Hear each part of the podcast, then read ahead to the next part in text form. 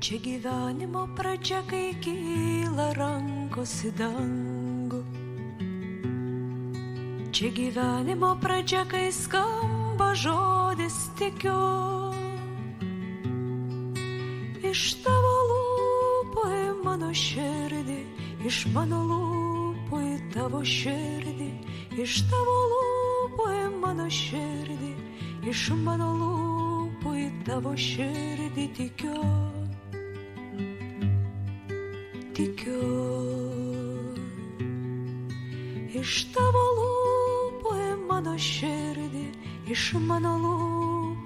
tavo širdį tikiu. Tikiu. Sveiki, mano mėlyjeji bičiuliai ir visi tikėjimo piligrimai. Miela susitikti su jumis, kad ir tokiu įprastiniu video formatu. Ir šiandien aš norėčiau tęsti praeitą kartą pradėtą temą apie veidmainystę, bet, kaip matote, mes ją sukonkretinome. Kalbėsime apie fariziejus, kurių ryškiausias brožas Naujajame testamente buvo jų veidmainystė. Na, šitas Piterio Breigelio paveikslas nutapytas 16 amžiuje, 16 amžiaus antroje pusėje kalba matyt, na, išraiškingiau už žodžius. Na, akli aklųjų vadovai. Kas atsitinka, kai aklas veda aklą, Jėzus mums pasakė, jie krenta į duobę. Štai Breigelis, kuris tuo metu gyveno toje konfrontacijoje tarp viduramžių katalikybės ir reformacijos, tos veidmainystės ir farizijiškumo buvo prisižiūrėjęs ir jam pavyko be galo išraiškingai nutapyti šį paveikslą ir netgi fone mes matome bažnyčios bokštą. Tiesa, tiek viena, tiek kita pusė turi savo interpretacijų. Na, tarsi siekdami save pateisinti. Bet mums iš tiesų svarbi yra ne istorija, o svarbus pritaikymas to, ką Jėzus kalbėjo apie fariziejus šiai dienai ir visų pirma mums patiems. Na, tiesa, matote, aš pasipošiau. Dovanų gavau iš gero draugo Višivanką. Ir gavau ją tiesą dar prieš Višvankos dieną, bet nebuvo galimybių man jos užsivilkti per įvairius reikalus ir rūpeščius. Ir, na, šiandien aš pasipošiau. Prenumeruokite šį kanalą, palaikykite, kas galite, būsiu jums labai dėkingas. Na va, o Ukraina eina per be galo sunku išmėginimą ir mes tikrai širdyse gerai darome, palaikydami. Kas gali maldomis, kas gali aukomis. Mm, Visų kuo palaikykime brolius ukrainiečius. Nes a, žiūrėk, vieną dieną mums patiems gali tekti eiti per panašius išmėginimus. Kaip gera, kai slėnyje, kai sunkioje kovoje tave kažkas palaiko kai tu atrandi tikrą draugą. Todėl būkime Ukrainos draugai. Na, o um, žodis, kurį skaitėme ir skait, pradedam šiandien skaitysime, yra toks, saugokitės fariziejų raugo, tai yra veidmainystės. Ir Jėzus tai pirmiausia kalbėjo savo mokiniams. Ir mes tikintieji esam jo mokiniai ir štai koks įspėjimas saugotis veidmainystės, kurios tai reikia truputėlį. Ir žiūrėk, tas raugas apima mūsų visą gyvenimą ir mūsų artimuosius bendruomenės. Kad taip nenutiktų, pasiaiškinkime, kasgi yra tas fariziejiškumas, kasgi yra tas fariziejus, kuriam būdinga uh, veidmainystė. Mato Evangelijos 23 skyriuje Jėzus uh, iš tiesų, uh, na, išlūkštena šitą temą. Bet, uh, na, įstabu tai, kad jis kelbė septynis prakeiksmus fariziejams. Lukas pasakoja mums, kaip kentėdamas ant kryžiaus Jėzus meldėsi už tuos, kurie, kurie jį nukryžiavo. Tačiau Matas mums a, parodo, kad Jėzus prieš savo kančią, prieš pat savo kančią, paskelbia ir prakeiksmus aršiausiems savo priešams.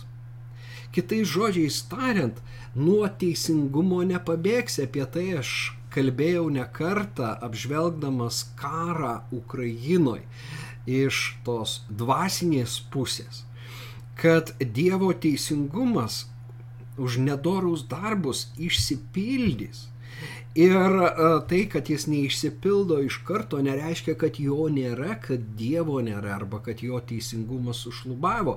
Tai čia iš tiesų man pačiam buvo nauja išvalga, kad, na, yra ir prakeiksmai, yra ir malda už tuos, kurie jį kryžiavo. Tačiau, na, tie jo oponentai, va, pačioj, pa, pačioje paskutinėje jo kalboje, mato Evangelijoje, susilaukia griežčiausio pasmerkimo, bet sikiu mums ir atskleidžiama farizijiškumo esmė.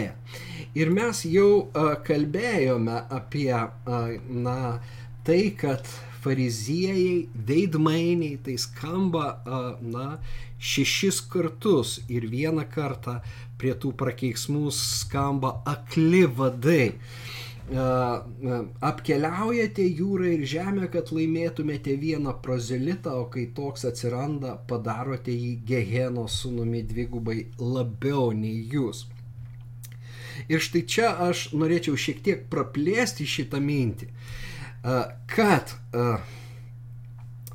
fariziejiškumas pasireiškia na, konvertitų formavimu pagal savo atvaizdą. Galima būtų sakyti, na, indoktrinavimu yra dar toks žodis populiarus. Ir sakoma, kad ir aš sutinku su tuo, kad šiandien atskiros bažnyčios ir konfesijos, net ir seminarijose, siekia indoktrinuoti savo studentus, savo pasiekėjus, indoktrinuoti, o ne mokyti Kristaus mokslo. Štai tai yra labai pavojingas dalykas, nes tai būdinga buvo anuomet fariziejams.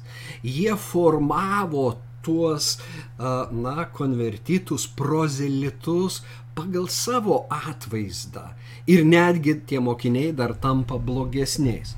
O iš tiesų mes turėtume formuoti žmonės, mokydami juos pagal Dievo atvaizdą. Na ir štai tos vietos mes žinome, kad Dievas sukūrė žmogų pagal savo atvaizdą, pagal Dievo atvaizdą sutvėrė jis uh, jį, vyrą ir moterį. Na va, o Kristus tą atvaizdą atstatė, Dievo atvaizdą žmoguje, Kristus būdamas paskutiniu Adomu arba antruoju Adomu atstatė tai, ką pirmasis prarado. Ir laiške fiziečiams apaštalas Paulius rašo, kad mes turime atsinaujinti savo mąstymo dvasia ir apsivilkti naujų žmogumi. Koks tas naujas žmogus, sukurtas pagal Dievą. Žiūrėkime, pagal Dievą sukurtas tas naujas žmogus. Taigi Kristuje vyksta tas atstatymo procesas. Naujas žmogus Kristuje turi pradėti dominuoti tiek mūsų gyvenime, tiek mūsų mokinių, tų, kurie priima Evangeliją gyvenimuose. Dar stipriau yra ši mintis pasakyta antrame laiške korintiečiams, ketvirtame skyriuje. Ten apaštalas teigia, kad Evangelijos šviesa yra Kristus, kuris yra Dievo atvaizdas. Ir šlovė. Mes ne save skelbėme, bet Jėzų Kristų viešpatį, o save laikome jūsų tarnais dėl Jėzaus. Žiūrėkime, kokia priešingybė fariziejiškumui. Fariziejai formuoja pagal savo atvaizdą, indoktrinuodami. Jiems netiek svarbu, kad Kristus išriškėtų žmoguje, kur kas svarbiau kad tas žmogus būtų ištikimas, lojalus konfesijos dogmatikai.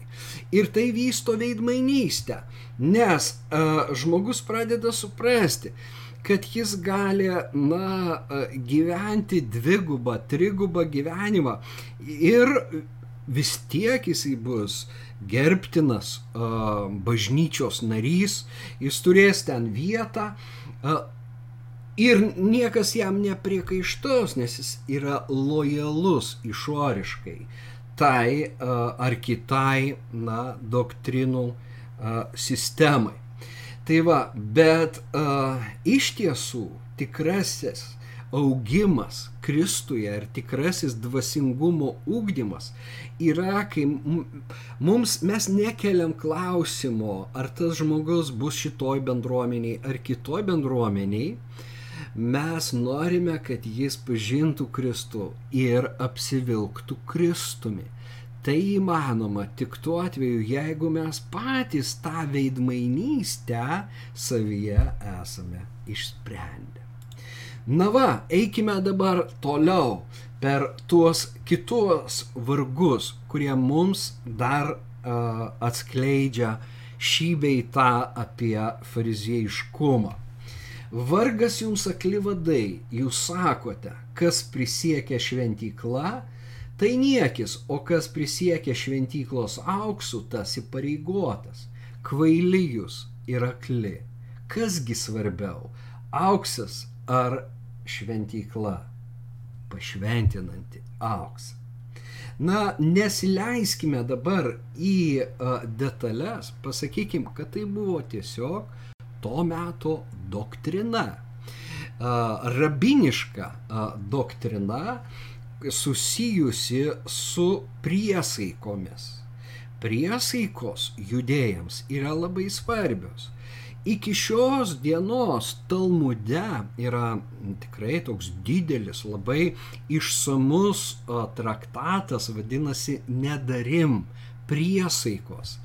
Apie priesaikas, kada galima jas sulaužyti ir kada nevalia jų laužyti. Na ir akivaizdu, kad buvo nesutariama šito klausimu ir vieni išvedžiodavo ir apeidavo tas priesaikas. Štai kodėl kalno pamokslė Jėzus sako, jūs apskritai nepries, neprisiekinėkite, kadangi mums priesaikos nėra tokios reikšmingos gyvenime, mes ne visada suprantame, apie ką eina kalba ten kalno pamokslė.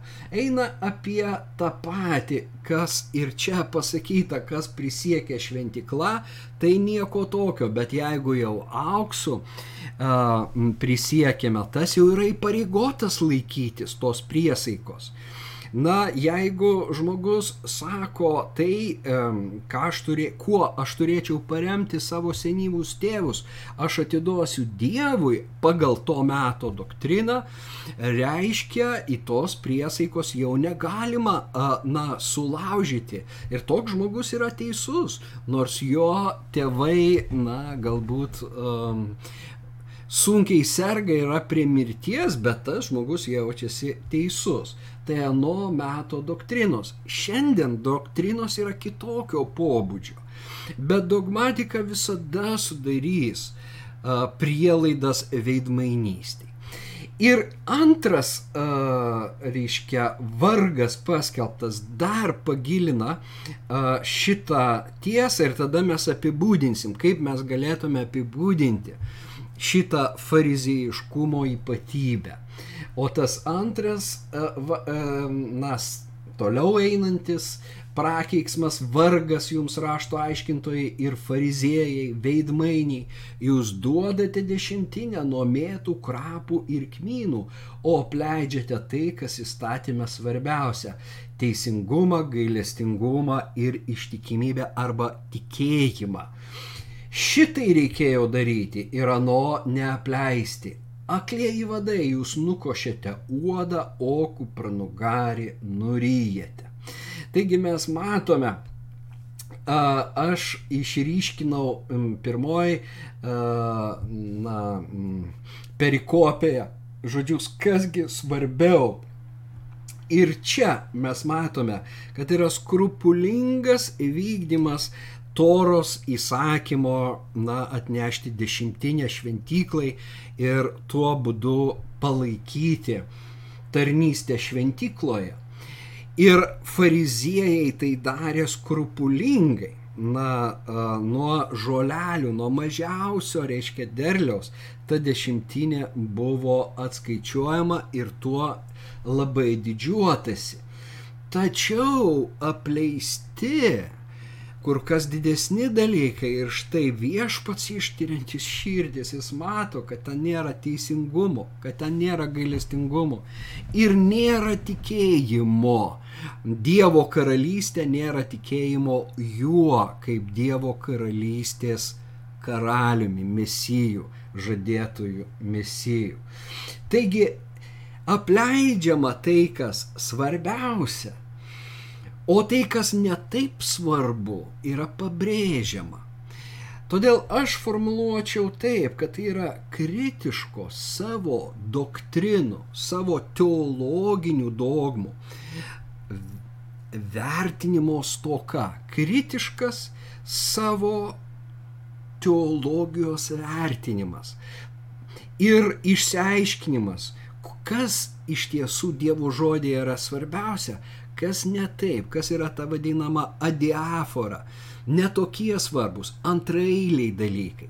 Nes veidmainystė antraeilius ištraukiamas vienas įsakymas, vienas nurodymas ir jis tampa dominuojantis, o visa kita praeina. Štai e, pasitelkiamas tas na, palyginimas, analogija, anuo metu labai e, kalbėjusi ryškiai, kad jūs nukošėte uodą. Dabar e, apie ką kalba eina? Kalba eina apie vyno gerimą. Vynas buvo spaudžiamas ir ten įkrisdavo be abejo mašalų uodų ir jie būdavo nukošiami. Bet fariziejus paėmęs vyno taurę ir, na, pastebėjęs, e, reiškia, musytę, sakydavo, aš negaliu gerti šitos vyno taurės, nes susitepsiu. Mat pagal įstatymą uodai, mašalai yra nešvarūs. Ir tada, na, jie sutepa žmogų. O fariziejai, taigi yra šventi, jiegi siekia šventumo, gyvena teisiai. Kaipgi jie susiteps uodu?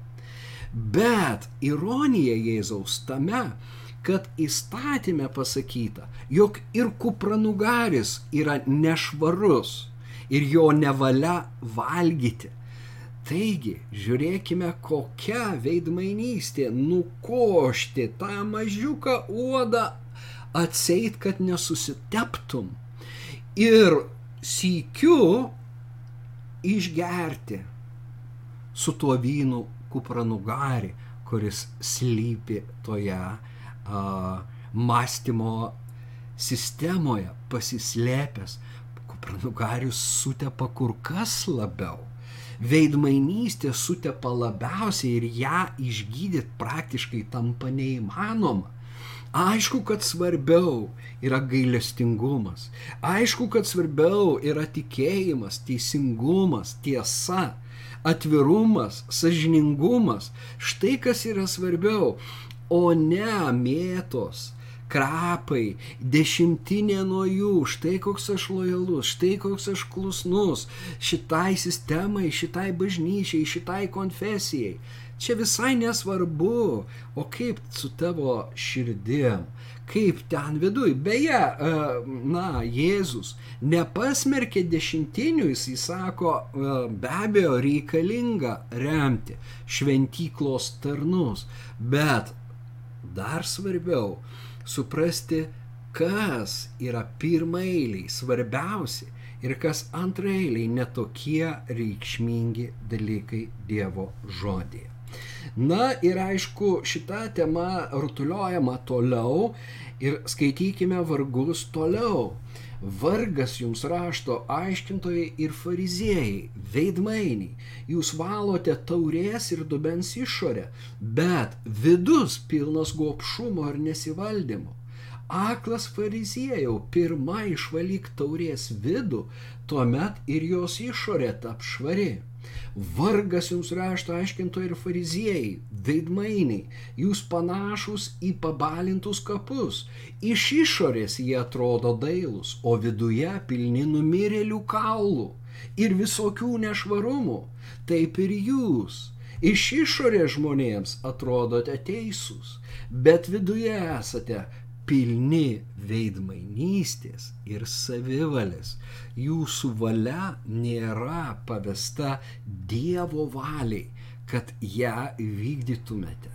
Taigi farizijiškumas pasireiškia išorinio pamaldumo pabrėžimu, šventumo pabrėžimu. Ir a, tas pabrėžimas ir tas akcentas slepia iš tiesų vidinį netirumą. Ir ta analogija, kurią čia Jėzus pasitelkia, yra labai stipri, tik tai mes apie pabalintus kapus nežinom, o pasirodo, kad Jeruzalėje kapus antkapius iš tiesų balindavo. Ir tai vykdavo prieš Paschą prieš Paschos šventimą. Kodėl juos balindavo? Ne todėl, kad jie taptų dailūs ir gražūs, o todėl, kad atvykę piligrimai iš įvairiausių ne tik tai Izraelio miestelių ir kaimų, bet ir diasporos iš visos Romos imperijos judėjai ir prozelitai vykdavo švesti paschos, kad atvykę jie netyčia neprisiliestų prie olos, kuri iš tiesų yra kapas ir pagal įstatymą toks žmogus tampa nešvarus. Ir septynias dienas turi, na, būti atskirtas. Jis negalės švesti paskos. Štai, kad taip nenutiktų ir kad žmonės atpažintų tas nešvarias vietas, nešvarias vietas, sutepančias ir, na, neleidžiančias dalyvauti šventėje, antkapiai buvo nudažomi. Kaip tai stipru. Jūs panašus į pabalintus kapus Žiūrėkime, bet uh, dar nepabaigiau. Tie antkapiai iš tiesų tapdavo gražesni nubalinti, nei nenubalinti. Ir mes turime va šitą kontrastą kad iš išorės dailus, baltas ten akmuo ar, ar uolo, uolos dalis, ar užritintas akmuo tų prabangesnių m, kapų, kapaviečių, o, iš tiesų viduje buvo pilnas nešvaros. Tarsi Jėzus sakytų mums, kai tik susidurėte su, to, su ta pamaldumo rušimi, kuri pabrėžia išorinį, ar ne, pamaldumą išoriškai, ten taip viskas gražu, ten taip viskas šventa, saugokitės. Nes tas nubalintas uh, kapas tikrai yra pilnas uh, tų netyrumų.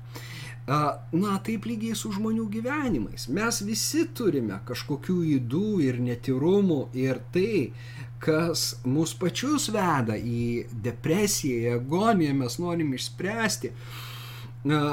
Tai, kas mumise dar nesutvarkyta, neišspręsta, tai yra tikėjimo kelias, to neišvengs. Bet labai lengvas sprendimas - nudažyti išorę a, išoriškai sakyti, kad aš teisus, na, a, arba, arba priešingai, aš visai neteisus, bet aš esu šitos, na, grupės a, dalimi. Tai vad, kad šita veidmainystė mūsų nepagautų, turėtume atsisakyti dažymo, atsisakyti valymo išorės. Žiūrėkime, fariziejiškumas tai yra išorės valymas, nes svarbiausia yra, ką žmonės pasakys, o ne ką Dievas pasakys. O krikščionių gyvenime svarbiausia yra ne tai, ką žmonės kalba apie mus, o ką Dievas pasakys tą dieną, kai jis iškels visus vidinius mūsų vidinės mintis, apmąstymus, mūsų tą vidinį žmogų. Jis jį mato visada, visuomet.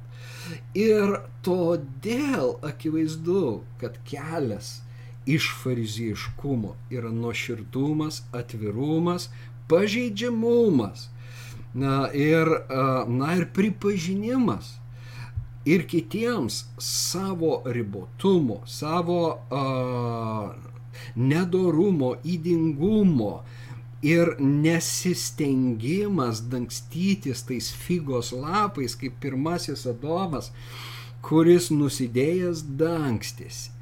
Dievas norėjo jį uh, aprengti ir aprengė iš tiesų galiausiai, na, uh, kailiu, o ne figos lapais, kurie saulėje sudžiūsta.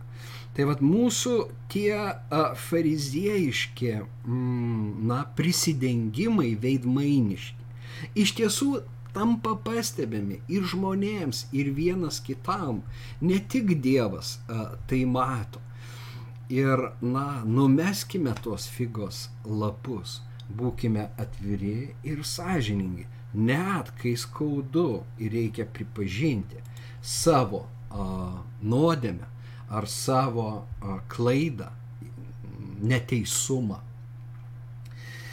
Ir įdomu, nežinau, ar man dar imti šitą, gal visgi turėčiau paimti trumpai tą ištrauką iš laiško Galatams, nes iš tiesų laiške Galatams mes matome būtent fariziejiškumo raugą apimantį Galatijos bendruomenės. Ir Paulius kovoja labai su tuo raugu. Ir štai šeštam skyriui jisai kalba apie tuos, kurie tą raugą atnešė, apie tos mokytojus ir sako taip, norintieji padaryti įspūdį savo išorę, štai tokie ir verčia jūs apsipjaustyti. Ir tik tam, kad nebūtų persekiojami dėl Kristaus kryžiaus judėjai persikodavo žydus krikščionis, bet jeigu tie judėjai, na, neždavo tokią žinę jau, kad jūs turit apsipjaustyti, būti apipjaustyti, neužtenka tikėti Kristumi, jūs turite būti apipjaustyti. Štai tuo met tie persikiojimai iš tų judėjų kurie netikėjo Kristumi, Jėzumi kaip mesijų, paliaudavo, nusilpdavo. Ir dabar, bet žiūrėkim, kalba eina apie tą išorinį apipjaustimą, ne širdies apipjaustimą dvasia, o apie išorinį apipjaustimą. Juk apipjaustytieji patys nesilaiko įstatymo, ką Jėzus ir kalba. Jūs ryšate sunkes, nepakeliamas naštas ir kraunate jas žmonėm, o patys nie pirštų nenorite jų pajudinti.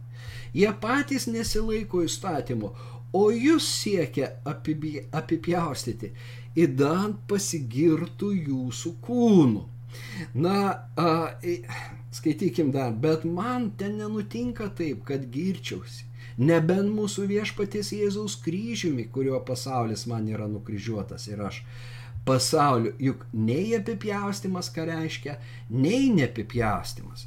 Tik naujas kūrinys, štai tas sukurtas pagal Dievą, kuriuo mes turim apsivilkti ir apsivelkam tik tikėjimu. Ir, bet va, vėlgi apčiuopiame, kad čia jau nebe su fariziejais problema, čia jau su Kristaus mokiniais problema. Ir ta, pro, ta problema yra tokia, kad jinai ir didžiausius apaštalus uh, pasiekia. Ir ten yra paminėtas iš tiesų ir, uh, na, ne kas kitas, o pats Kefas, Petras, kuris, pasižiūrėkime, valgydavo draugę su kitataučiais, bet kai atvyko žmonės nuo, nuo Jokūbo iš Jeruzalės, pasitraukė nuo kitataučių ir atsiribojo, bijodamas apipjaustytojų. Apipjaustytųjų su juo veidmaina, veid, veidmainiavo ir kiti žydai. Net Barnabas pasidavė šiai veidmainystiai. Matydamas, jog jie nukrypsta nuo Evangelijos tiesos kelio, visų akivaizdoje pasakiau Kefui, jei tu, būdamas žydas, gyveni pagoniškai, o ne judėjiškai, kodėl verti kitataučius gyventi kaip žydai. Žiūrėkime, Galatijos bažnyčios buvo, na, jau įrauktos farizijiškumo raugu. Ir, na, jis ateina iš tų stiprių mokytojų, nu, šventų, kurie pamokslauja šventumą, kurie, na, pamokslauja Dievo žodį, kuriame pasakyta, kad apipjaustimas yra am, amžina sandora, jos privaloma laikytis per amžius. O štai dabar šitie pagonys, Jie suteršė, na, Dievo šventyklą, kaip jie gali, na, apie kokią Dievo karalystę kalba eina, jeigu jie dar nėra apipjaustyti, jie privalo pirmą būti apipjaustyti. Na, tada žiūrėsim, ar yra tinkami, na, mokinystės keliui. Ir kadangi tai su, tokia, vat, su tokiu užtikrintumu kalbama ir Petras, puikiai tai žino. Petras puikiai tai žino. Jis taiga sako, aš irgi esu geras. Aš su nusidėliais nebendrauju. Nu, reiškia, o palaukit, tai pašventinti broliai, jie tuo pačiu krauju pašventinti. Dievas nėra šališkas. Jis išteisino ir juos, ir jūs. Ir pats Petras tai kalbėjo Jeruzalėje, sugrįžęs iš Kornelijaus namų, kad dabar aš suprantu, kad kiekvienos tautos žmogus jam yra brangus, kad Dievas nedaro skirtumo, jis ir jiems davė šventąją dvasę. Bet štai atvyksta šitie fariziejai, krikščionis. Ir Petras jau, na, keičia keičiasi jo elgesys. Ir Paulius sako, tai veidmainystė. Net ir Pauliaus tas uh, artimiausias Barnabas, su kuriuo jie tarnauja, staiga irgi pakšt pakeičia savo veidą. Uh, tas draugas staiga tampa visai nebedraugas. Jisai staiga kalba teisingą doktriną. Ir Paulius lieka tas kuris sako, iš tiesų, tai nori tik tai užsidėti savo pliusiuką, pasigirti jūsų kūnų, kad va apipjaustė, va įgyjo dar vieną konvertitą, prozelitą, ištikimą Dievo žodžiui, tai yra įstatymui. Bet už to veidmainystė. Kiek šiandien tokių pavyzdžių yra tikėjimo bendruomenėse? Ne vienas, ne du. Tas raugas yra pavojingas. Ir vargas tai bendruomeniai, kurioje jis užauga, išplinta. Štai kodėl Jėzus sako, saugokitės fariziejų raugo. Tai yra veidmainystės. Saugokime tos dvi veidystės, to noro kitų akise atrodyti šventais, teisėjais, gerais. Iš tiesų jaunimo maištas dažnai yra nuoširdesnis. Maištas prieš bažnyčią, maištas prieš doktrinas dažnai yra iš tiesų ne maištas prieš Dievą, bet maištas, sukilimas prieš veidmainystę, kuri atima gyvenimą, jinai išsiurpia syvus, jinai tą žmogų padaro panašų į musę pagautą voro voratinklyje. Jis apviniojamas, ta, ta musė, iš jos išsiurbiamas.